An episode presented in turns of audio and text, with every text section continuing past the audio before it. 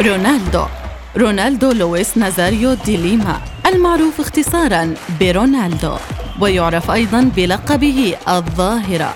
هو لاعب كرة قدم برازيلي سابق.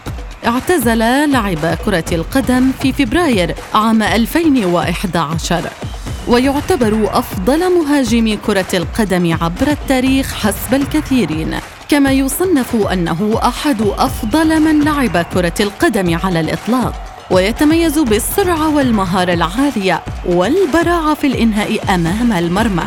وقد فاز بجائزة الفيفا لأفضل لاعب في العالم وهو بسن العشرين عام 1996 كأصغر من حققها كما ظفر بها في مناسبتين أخرتين عامي 1997 و 2002 وهو كذلك أصغر من حقق جائزة الكرة الذهبية وكان ذلك عام 1967 التي ظفر بها في مناسبة أخرى لاحقا عام 2002